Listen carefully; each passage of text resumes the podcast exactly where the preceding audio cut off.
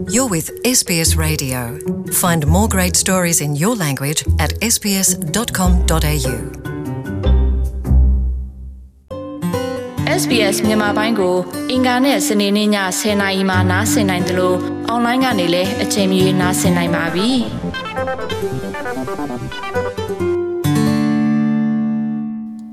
တော်ရရှိမြခင်ဗျာ။ Australia ဟာသူ့ရဲ့ multiculturalism ခေါ်ယဉ်ကျေးမှုပေါင်းစုံစနစ်ကိုဂုဏ်ယူဝင်ကြွားပေမဲ့ Federal Parliament မှာတော့ဒါကိုရောင်ပြန်ဟမှုမရှိသေးပါဘူး။ဒါပေမဲ့လည်းအခုလာမယ့်ရွေးကောက်ပွဲမှာဒါကိုပြောင်းလဲဖို့မျှော်လင့်ချက်နဲ့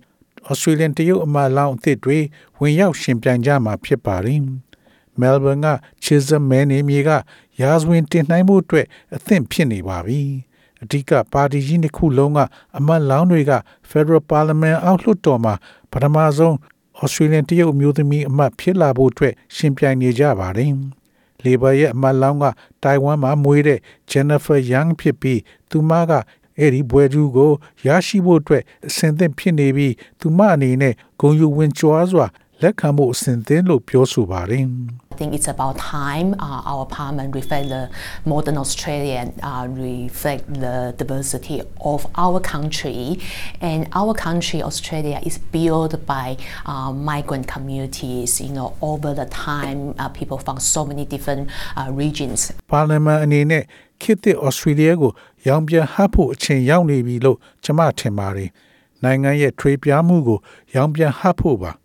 Liberal Party ကလည်းရာဇဝင်တွင်မဲ့ဒီနေရာကိုပဲရှင်ပြိုင်မှာဖြစ်ပါတယ်။ Gladys Liu ဟာ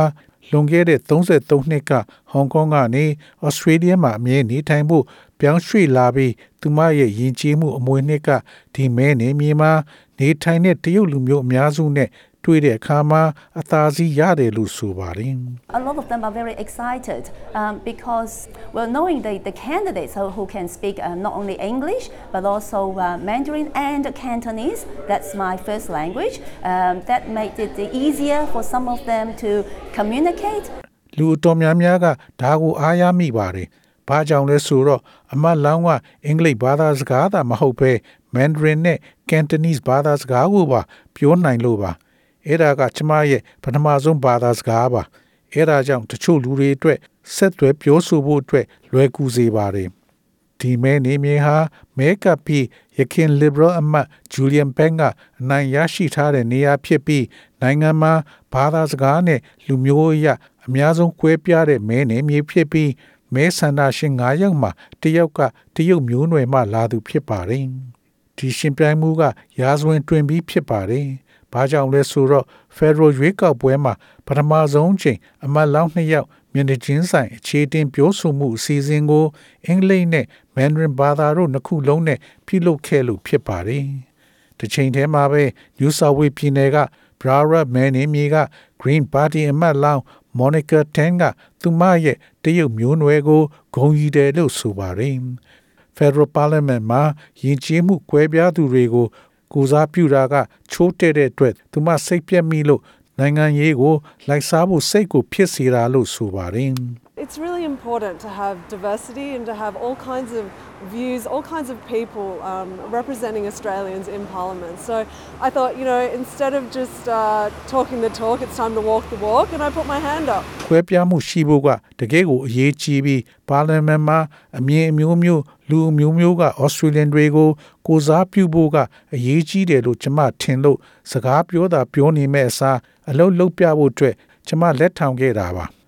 ဩစတြေးလျတရုတ်လူမျိုးအမတ်လောင်းအရေးအတွက်တိုးမြင့်လာတာကို မျိုးနွယ်တူတဲ့မဲဆန္ဒရှင်များကကြိုးစိုးလက်ခံလိုက်ပါတယ်တရုတ်အမျိုးသားနှစ်ယောက်ရဲ့အမြင်ကတော့ It's always good to have you know, people representing our race here. Some people from similar background as me are going to come to the parliament. It's going to always be a good thing. ဒီမှာကျွန်တော်လိုလူမျိုးကိုစားပြုမဲ့လူရှိတာကအမြဲလိုကောင်းပါတယ်ကျွန်တော်တို့ကြောထောက်နောက်ခံကဆင်တူတဲ့လူတချို့ပါလီမန်ထဲကိုသွားတာကအမြဲလိုကောင်းတဲ့အရာဖြစ်ပါတယ် ဩစတြေးလျရဲ့မဲနေမြေတွေဖွဲ့စည်းပုံကကြီးထွားလာနေတဲ့တရုတ်လူမျိုးနဲ့လင်မြန်းစွာ ဖြည့်ဆည်းလာစေနေပါတယ်တရုတ်မျိုးနွယ်ဩစတြေးလျတွေဟာအခုချိန်မှာတစ်တသမနှစ်တန်ရှိနေရသားနဲ့ပါလီမန်မှာနှစ်ယောက်ထဲသာရှိပါတယ်ဆန်နစ်မှာမလေးရှားဖွာတရုတ်မိသားစုကမွေးလာတဲ့ဆန်နစ်အမတ် Penny Wong နဲ့အောက်လွှတ်တော်ကအမတ် Ian Goodenough တို့ဖြစ်ပါတယ်။ဘာကြောင့်အခုလိုဖြစ်နေရတာလဲဆိုရင် နိုင်ငံရေးပါတီတွေကသူတို့ကိုအခွင့်အလမ်းမပေးလို့ဖြစ်တယ်လို့ဩစတြေးလျအမျိုးသားတက္ကသိုလ်ကနိုင်ငံရေးကျွမ်းကျင်သူ Fio Sanagovsky ကပြောဆိုပါတယ်။ even though our cities, especially city, Sydney and Melbourne, are quite diverse, that diversity is spread out over multiple federal electorates, such that a lot of uh, very few electorates have a critical mass of a given community which can mobilize behind one particular candidate and get that candidate nominated for one of the major parties. ဒါတော့ Sydney နဲ့ Melbourne လိုမြို့ကြီးတွေကအတော်လေးလူမျိုးအမျိုးမျိုးကွဲပြားမှုက Federal မဲနေမီမြောက်များစွာမှာပြတ်နေတော့လေအလွန်နေတဲ့မဲနေမီတွေမှာသတ်မှတ်ထားတဲ့လူမျိုးစုကအရေးပါတဲ့ဒုတဲ့ရှိပြီး တီးသန့်အမတ်လောင်းတစ်ယောက်နောက်ကနေစီယုံပြီးအဲ့ဒီအမတ်လောင်းကိုအဓိကပါတီကြီးတစ်ခုနောက်မှာအမတ်လောင်းအနေနဲ့ပါဝင်ဖို့လှုံ့ဆော်မှာဖြစ်ပါတယ်။သောရရှိမြခင်ဗျာဩစတြေးလျလိုယဉ်ကျေးမှုပေါင်းစုံနောက်ခံကလာတဲ့လူတွေနေထိုင်တဲ့နိုင်ငံမှာလူမျိုးစုတွေကနေ Federal Parliament မှာဝင်ရောက်နိုင်မယ်ဆိုရင် Australia ရဲ့လူတွေကြားမှာနားလည်မှုပုံမတိုးမြင့်လာနိုင်တဲ့အတွက် တိုင်းပြည်အတွက်ကောင်းမွန်မှဖြစ်ကြောင်းပြောဆိုရင် SBS သတင်းဌာနက Lydia Fang ရဲ့ဆောင်းပါးကိုဘာသာပြန်တင်ဆက်ပေးလိုက်ရပါတယ်ခင်ဗျာ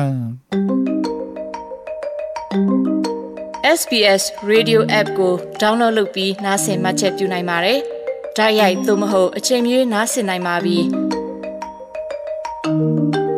စက်တမ်းမှာပါဝင်နိုင်သလိုဆက်သွယ်မှုလည်းပြုလုပ်နိုင်ပါတယ်။ Google Play ဒါမှမဟုတ် App Store မှာအခမဲ့ရယူနိုင်ပါပြီ။